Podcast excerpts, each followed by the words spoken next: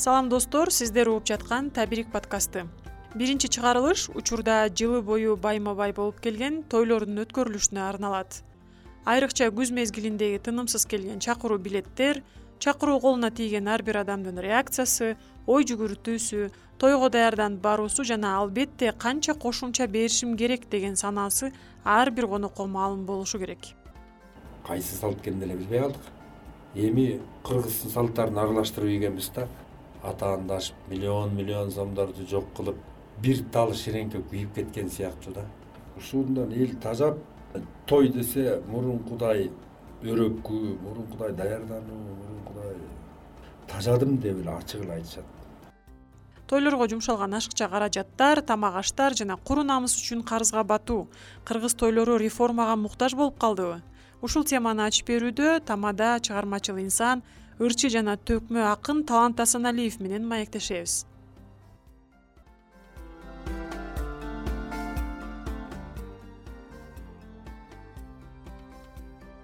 Кандайсыз жакшы.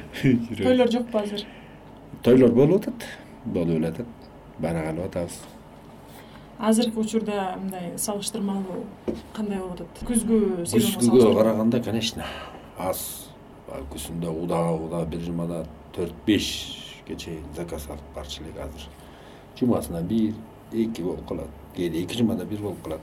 А күзүндө күнүгө жума ичинде удаа жума ичинде удаа барган күндөр болду. Бир күн бир жумада жети күн болсо беш күн алты күнгө чейин удаа ошол эле учурда ошончо кафелердин баары занят ошончо тамадалар деле иштеп атат. Ошолордун арасында мен деле жүрөм дегендей да. Кээде бир жумада эки той болуп калат барып калабыз. Сиз өзү ушу тойлорду көп алып барып жүрбөйсүзбү анан ошо азыркы тойлордо байкашыңызча да. Эмне максат менен өткөрүшөт той ээлери?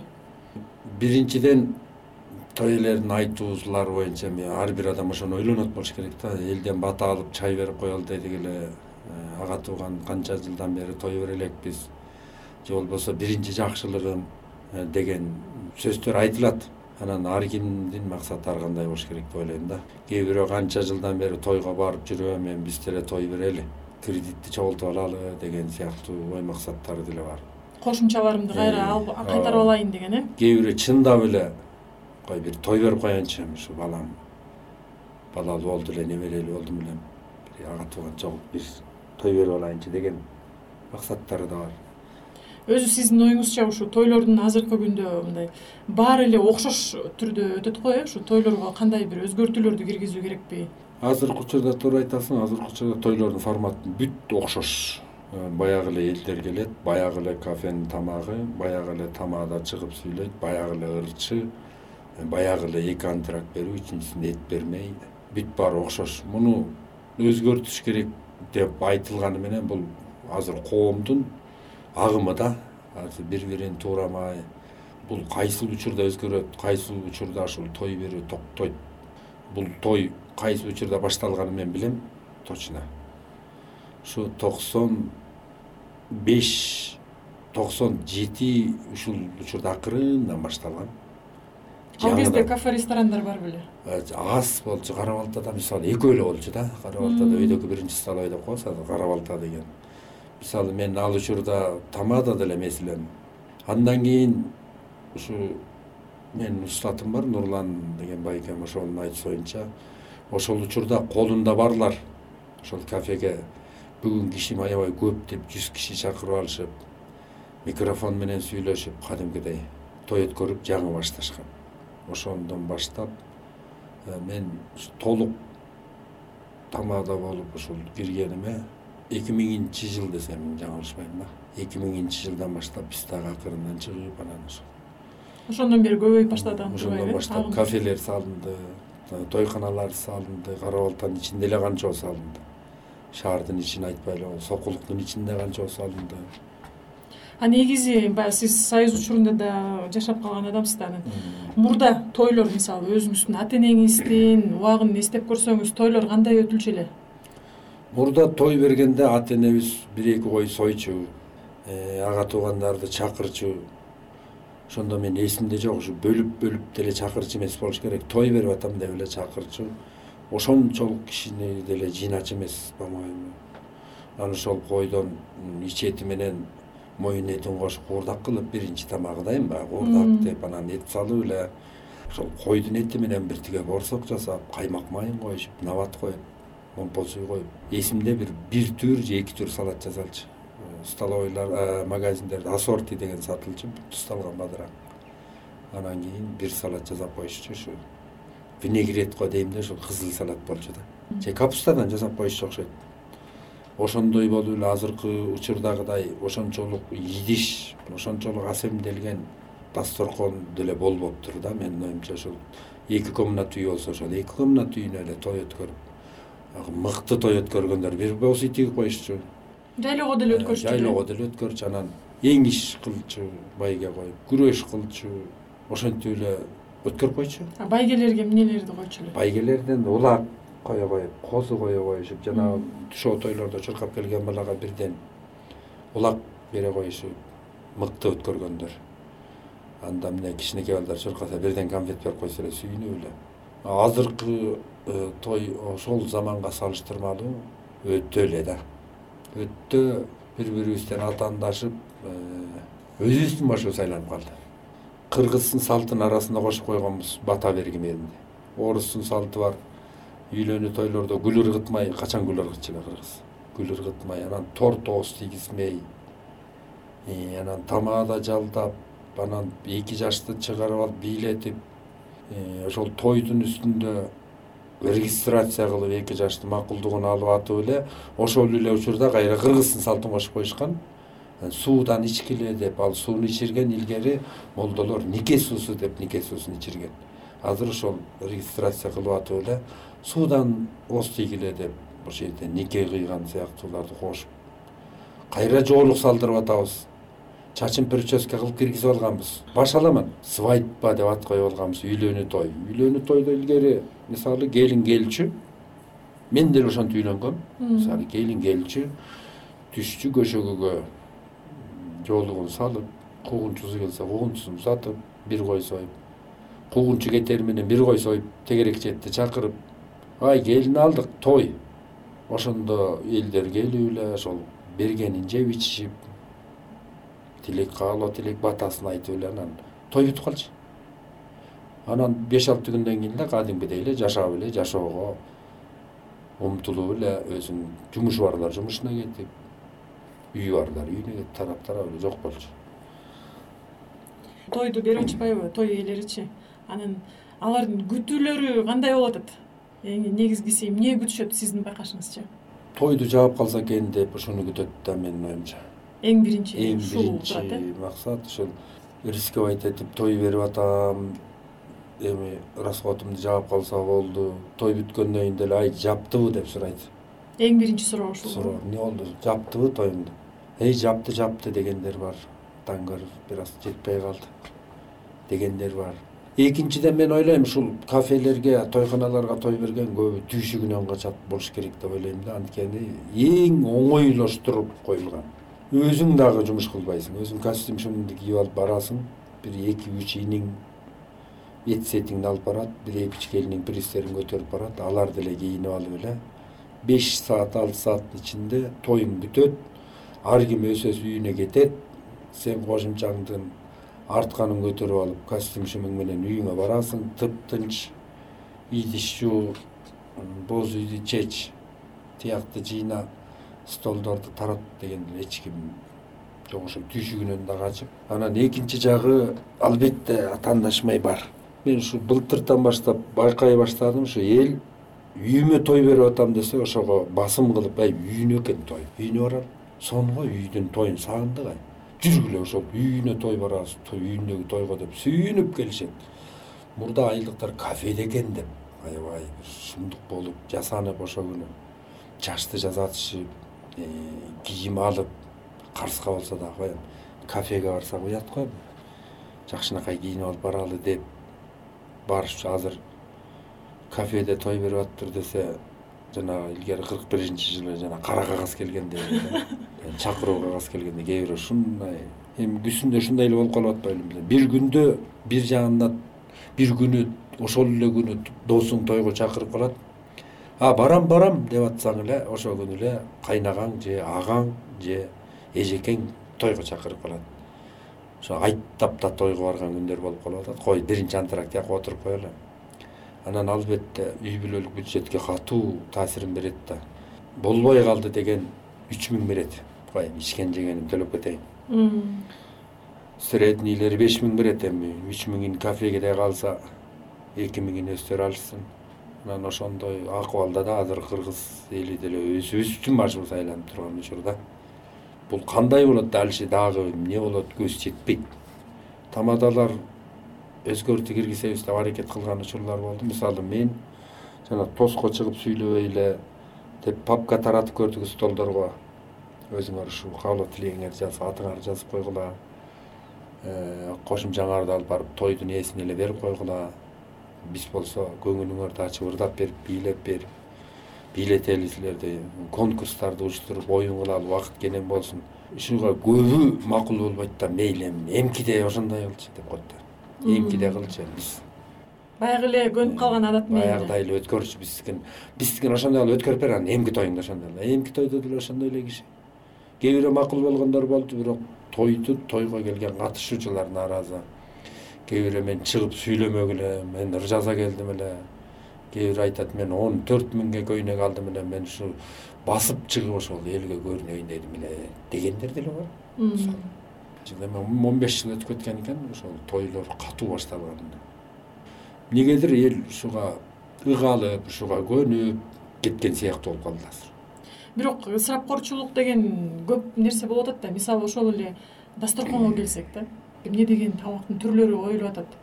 Тамак ашка деле ысырапкорчулук кылган убакыт болуп атпайбы мисалы эки тамак ичкенден кийин кайра баягы беш бармак келерди дагы аны дагы жей албай калган учурлар дагы?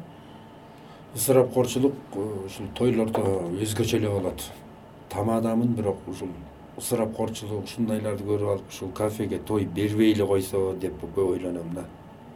Ысырапкорчулук аябай укмуштуудай да мисалы. Ошол эле учурда татынакай бир тиштелип калган нандар сонун жасалган салаттар жугундуга кетип атат. Бир официант болуп иштеген бала айтты байке ыйлагың келет дейт. Ушунун баары бир жерге төгүлөт дейт. Салаты дагы наны дагы согу дагы түбүндө калган арактар эми айтпа.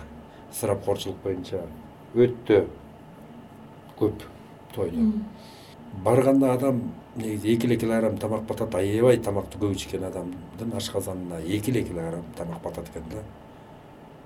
Анан ошол эки килограмм эмес бир бир килограммга жетпеген тамак ичесиң суу буусуң кошкондо болду. Андан кийин эчтеке жегиң да келбейт. Дасторкондо отуруп анан эң артына баштык үчтүккө салынып төгүлгөнү төгүлүп эле кетип атпайбы. Үйгө барганда деле ошол толук жеилип калган тамак болсо да жакшы үйдөн деле жугундуга төгүп аткандар учурлар көп эле көрүп атабыз.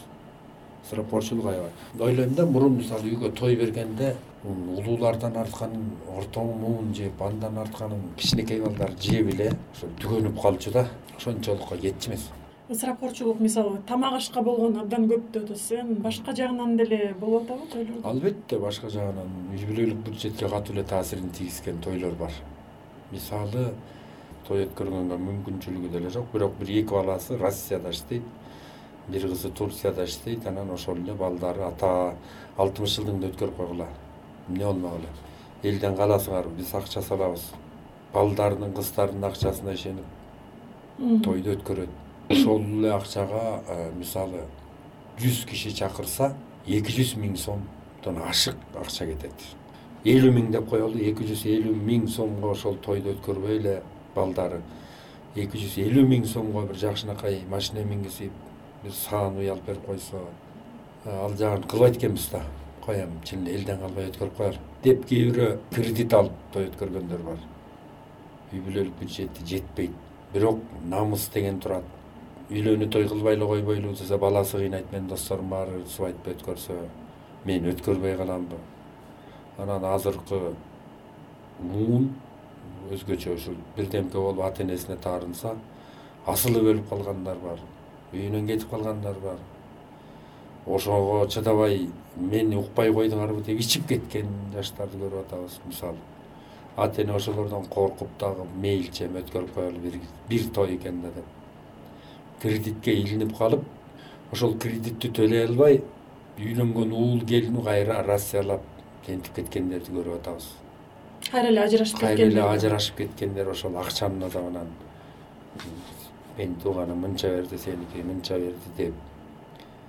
Кыскасы мунун минус жактары ушул той өткөндө абдан көп да. Тойдун түрү көп азыр үйлөнүү той кыз узатуу бешик той сүннөт той э, юбилейлер. Үйлөргө той үй тойду деле кафеден өткөрүп коюп атабыз. Машине той диплом тойго да бардык? Диплом той алып бардыңызбы алып бардык ушундай бир жакшы окуу жайды бүтүп кайсы бир өлкөгө иштегени кетип бара жатышып ошолор деле эл чакырып той өткөрүп коюшту бата сурап коелу сапарга узап атабыз деп. Ушундай той тойдун түрү көп азыр башың айланат. Ал тойду эмне деп баштаарыңды да билбейсиң. Диплом тойду эмне деп баштайсың? Диплом тойго кош келипсиздер дейсиң эми. Ооба сиздерге да кыйынчылык болот экен да? Э кыз узатуу той деле мисалы азыр өзүнчө эле бир үйлөнүү тойдон дагы ашыкча болуп кетти. Э мурда кыз узатууда мындай кылышчу. Куда сөөктөн бир жыйырма киши келсе башында ушундай болуп башталган. Жүз жүз жыйырма кишиден ашырчу эмес. Биринчи үйүнөн алып чыгып анан куда сөөгүн кафеге алып келе калып ошол жерден тамагын берип анан кызды тынч эле узатып койчубуз да ошол көбөйүп көбөйүп отуруп азыр э, өзүнчө эле бир шоуго айланып кетти. Кыз узатуу деген бир үч жүз кишини чакырып алып кадимки свадьбадай өзүң айткандай. Э, кыз узатуу ырчылар ырларды жаздырып ала коюшуп анан ыйлатып сыктатып ырдатып чыгарып ошол кызды. Кыргыздын салты болгон экен. Илгери келин той деген болбоптур кызды узатчу экен кудалашып түшүрүп анан ошол кызды узатып той кылып оюн шогуктун баарын кылып анан келин болуп келгип түшкөндө ал үйдө той деле болчу эмес экен. Ал келин көрдү кылыпчу экен да анан жашаба башталчу экен. Анан азыр кыз узатууда күлкүң келет азыр деле кайсы салт экенин деле билбей калдык. Куда сөөк бири бирине кийиш кийгизишип эми кыргыздын салттарын аралаштырып ийгенбиз да. Кайненеге таш бастырмай деп илгери ушу боз үйдөн кайненесине кудагый барып таш бастырып желпилдеп кошо чыкпа кызың менен. Азыр кафеге таш бастырып коюп атабыз. Жаңылантып атабыз да бирок кайсы бир деңгээлде көп нерсеси окшошпой кеткен сыяктуу эле сезиле берет да мага. Анан пристерди момундай кылалы баланчаны жалдайлы түкүнчө кафеге кылалы деп атаандашып миллион миллион сомдорду жок кылып анан арты ошол экөө жашап кетсе да жашап кетсе жашабай калсачы бир тал ширеңке күйүп кеткен сыяктуу да. Бүт чачылып ачылып эле. Аягында эч нерсе жок отуруп аягында жок келин да жок баласы да кетип калган ажырашкандан кийин россияга турцияга бир жагына иштейм деп. Чоң карыздары бар. Ушундай учурлар да кездешип атат ар бир эле адам баягы тойго чакырып алгандан кийин кандай реакциялар болот да? сиздин байкашыңызча да? тойго баягы күздүн күнү айтып кетпедиңизби? Удаа удаа келгенде. Ар бир үйдө ушул бар да катыш деген бар. Ошону ойлонот ар бир адам менин оюмча да. Катышына жараша. катышына бул качан биздин тойго келди беле? Канча берди эле андай эсептешүү экен да эсептешүү бул чакыруу алып алгандан кийин анан даярдыктар башталат да тойгочу. Баягы жумуштарды ылайыктап э. Суусандуулуктар мисалы кара балтага же бишкекке тойго бара турган болсо. Илгери кара балтага тойго барып келиш үчүн үч күн кетчү да. Анткени сары автобус бар болчу урал деген ошого эптеп илинип бир күн мурун тойдон. Жетчүсүң кара балтага илинбей да калышың мүмкүн. Илинип жетип ал күнү даярданып бирөөнүн үйүнө жатып анан эртеси анын үйүндө тойго барып ал кишинин үйүнө жатып же болбосо кара балтага келип анан илинип чалынып эптеп келчүбүз азыр болсо суусамырлыктар мисалы тойго чакырса бир машинени жалдап алып түшкө кара балтага жетишип базарлашып антип мынтип тойдон кийин кайра шып деп келип калып күнүм барып күнүм келген. Адатка эле айланып калды алар барышат. Андан кийин даярдыктарына дагы көп убакыт кетет. Убакыт мындан андан дагы чыгымдар э даярданыш керек. Кийим кече алыш керек. Биринчиден барып келгениңе бир семья түп түз барып келиш үчүн таксиге миң сом бересиң. Түп түз барып ошо кара балтага таштап кайра кечинде алып келген үчүн бир үй бүлө эки адам миң сом. Келинчегиң чачын жасатат беш жүз сом.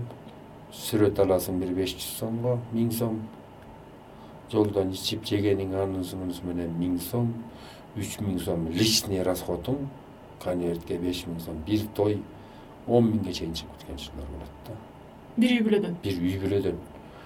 А ошол үй бүлөнү карасаң аялы пол жууп иштейт алты миң сом алат. Өзү кароолчу үч миң сом алат. Ушундай бюджеттеги үйлөр бар да үй бүлөлөр бир айлыкты ошондо бир күндө эле тойго барып келгенде эле бир айлыгына жетпей калат жетпейт жетпейт да. экөөңдүкүн кошкондо араң бир тойго жетип атпайбы демек ошо тойго тойду өткөргөндөр тараптан дагы анан тойго баргандар тараптан дагы эки жактан тең ашыкча чыгымдар акча каражатына келтирилген бир оорчулуктар бар. болот экен да аябай эле анан мындай кыйналыштык менен эле өткөрүлгөн тойлорго тойлордой эле сезилип атат да азырчы биз экөөбүздүн сүйлөшүүбүздөн улам. Баарын баягы ине жине чейин караштырып мындай элестетип көрсөк кыйналыштык менен эле өткөрүлгөн тойлор экен да э? Жасалмалуулук аябай бар. Бул тойдо мисалы баары эле шумдук болуп чын пейили менен бата сурап андай да адамдар бар. Чын пейили менен өзүнүн э, акчасына ишенип өзүнүн кадыр баркына ишенип өткөргөндөр да бардыр бирок көпчүлүк жерде ушул кыйынчылыкты мен көп көрөм да. Биз тамада болуп барганда биздин тыйыныбызды чыгара албай калгандар бар.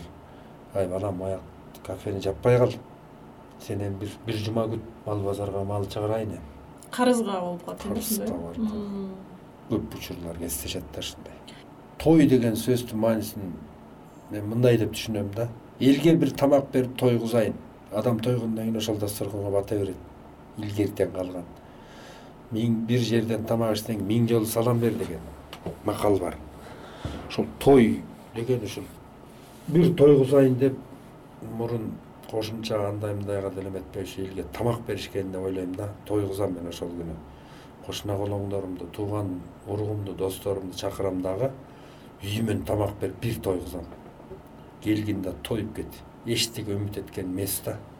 Суроолорду деле угуп каласың тиги канча бериптир башыбыздан өтүп эле жашыргандан ар бир адам ойлонот ушу биздин тойго келдиби той деп айтып атпайсызбы? Той деген сөздүн маанисинчи. Баягы адам тойгондон кийин анан ошого ыраазы болуп анан бата берет депчи. Анан ушу бата берүүбүз темасына келсек да тойдо мисалы ошо бата берүүгө канчалык деңгээлде маани берилип анан адамдар ошо тойго келген адамдар да ошону угабы ошончолук чын дили менен угуп ар бир батаны ар бир каалоо тилекти ошону бир өздөрүнө да сиңирип ушундай бир чын жүрөгүнөн отурган коноктор дагы болобу.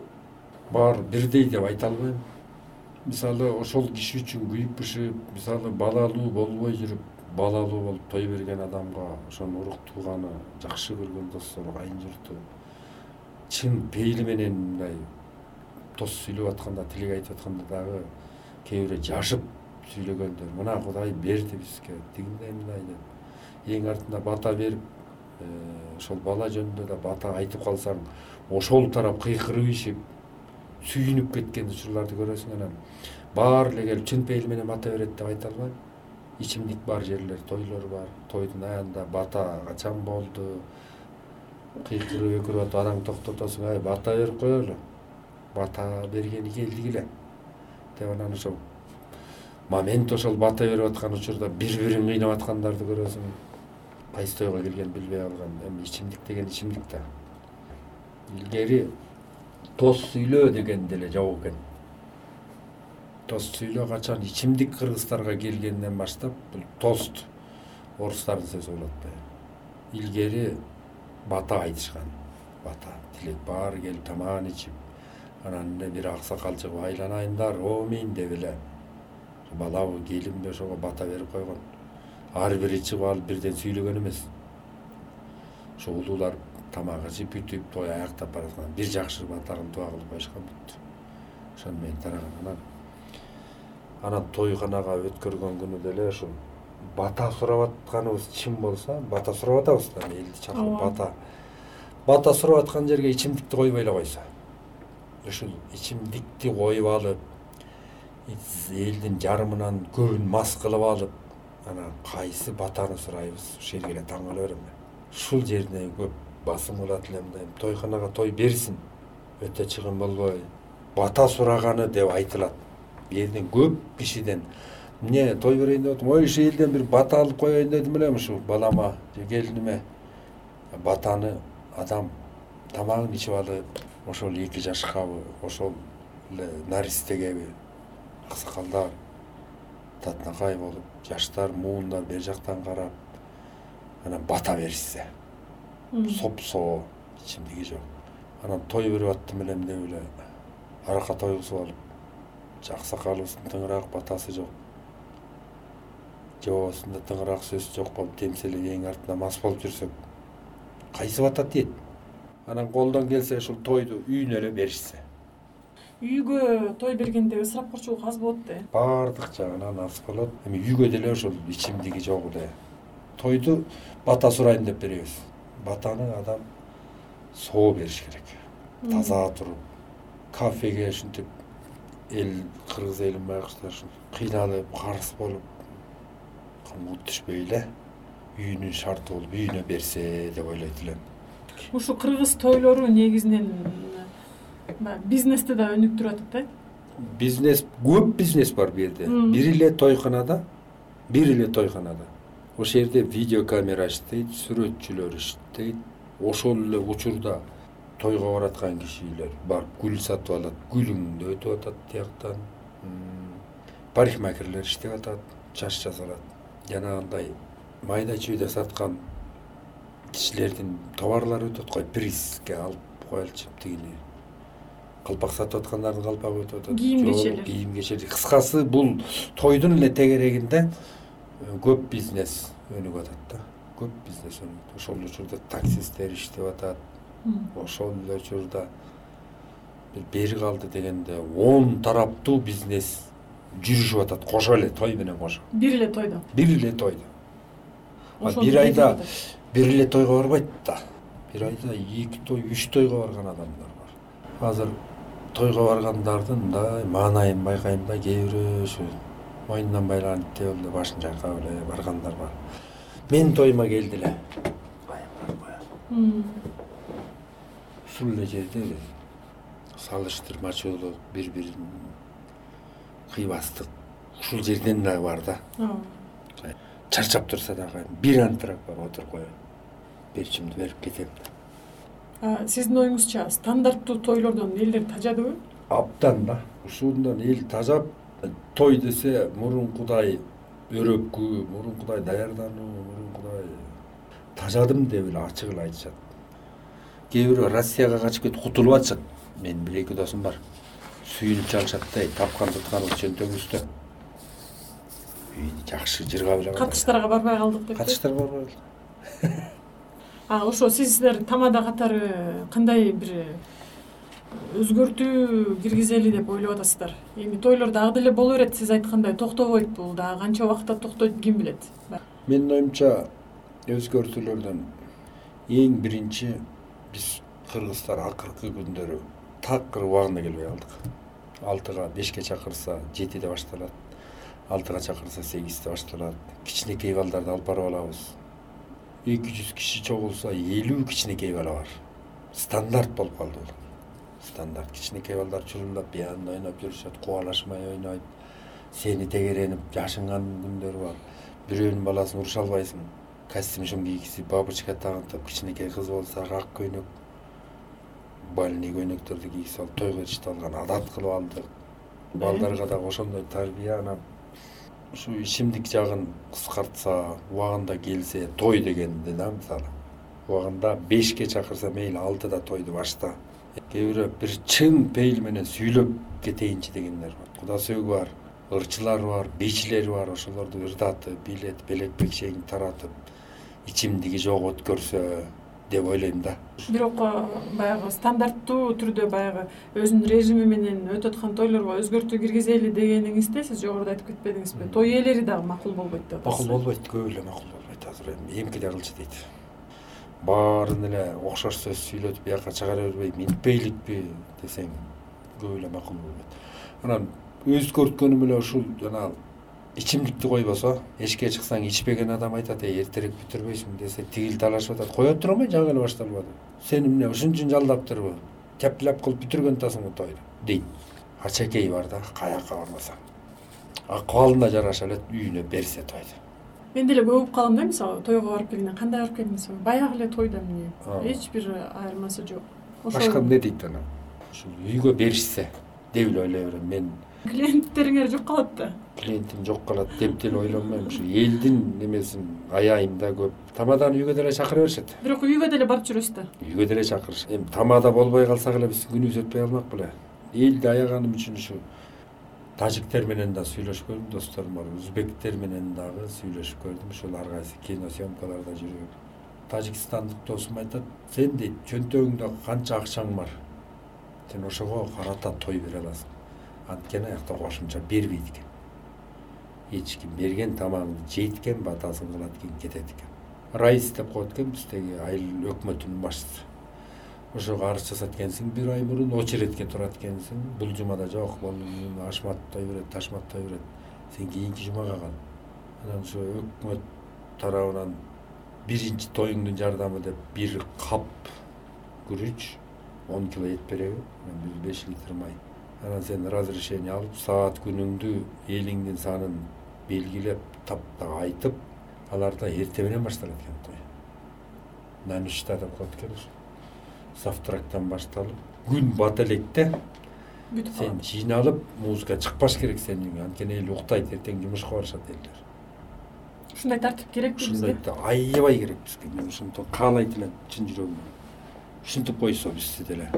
Ушул бир статис болсо деп ойлойм да кыргызстан боюнча бир жылда канча жылкы союлат болтур башка расходун жөндөй коелучу тойлорго эле э? Тойлорго ушу именно тойлорго канча жылкы союлат жана ошол жылкылардын баасын средний чыгарып э, экономикасы канча биздин эмеге артка кетип атабыз. Ушуну билген киши болсо дей берем да. Бюджети жаңы көтөрүлүп келаткан үй бүлө бир той берип тою бир жакшы болбой ошол канча жылдык бюджети артка кетип калат да мисалы кредит деп атабыз ошол эле учурда кредитке малынып калып атабыз. Өз көзүм менен көрүп жүрөм да ушуларды. Жакын туугандарымды да көрдүм. Ушундай кылып рисковать этип той берип. Демек той ээлери дагы ошол берилген батага деле маани бербей калган убакытка келип калдыкпы биз? Келдик келдик. Ал бата экинчи орунга туруп калган сыяктуу да. Буйрук бере албайсың. Жок мен тоюңду момундай кылып өткөрөм өткөрсөм өткөрбөсөм өткөрбөйм десең кете бер анда кете бер мен башка эле таап алам деп коюшу мүмкүн да. Реформаларды киргизиш үчүн мыйзамдарды кабыл алып ал үчүн мамлекеттик деңгээлде тамадалардын окуу жайы болуш керек. Мен аябай таң калдым да ушул. Биз налог төлөдүк патент алдык. Анда биздин укугубузду да коргосун. Охрана коюп берсин биз тамадалар тойдон кийин масттар уруп коюп атат сабап коюп атат кээ бирөөлөрүн. Кээ бирөөлөрүн тойдун акчасын бербей уруп тепкилеп кетирүүгө жатышат ал ошол учурда эмне эмне болот? Бизди өкмөт коргоого алабы. Салтыбызды да жоготуп ичидей коркуп кетесиң эми биздин муун эмес бизден кийинки муун дагы эмес бирок кайсы бир учурда жок болуп кетчү коркунучу бар да. Анткени салттар аралашып атат башка өлкөлөрдүн салты кыргыздардын салты аралашкан бир той өтүп атса кээ бир жаш кыздардын жаш балдарын деле кайгылачы ушул салт палтыңарды деген дагы нааразычылыктарды угуп калам да. Салт деп жырмак белемби алардын оюнча современный биз көбүнчө казактарды туурап аткандай эле сезиле берет да. Казакстанда тойлор болуп тойканалар салынып анан кыргызстанда салынган тойканалардын көп үлгүлөрүн казакстандан алып келет экен да. Өзүбүздүкү эмес биз көбүнчө ушу туураганда жакшы көрөбүз. Адам өлүп баратканда дагы мына жаның чыгып баратканда дагы үмүт өчпөй турат да жакшы болуп кетемби азыр туруп кетемби деген. Үмүтүбүздү үзбөйлү келечектен. Салтыбызды жоготпойлу. Сиздерге да рахмат.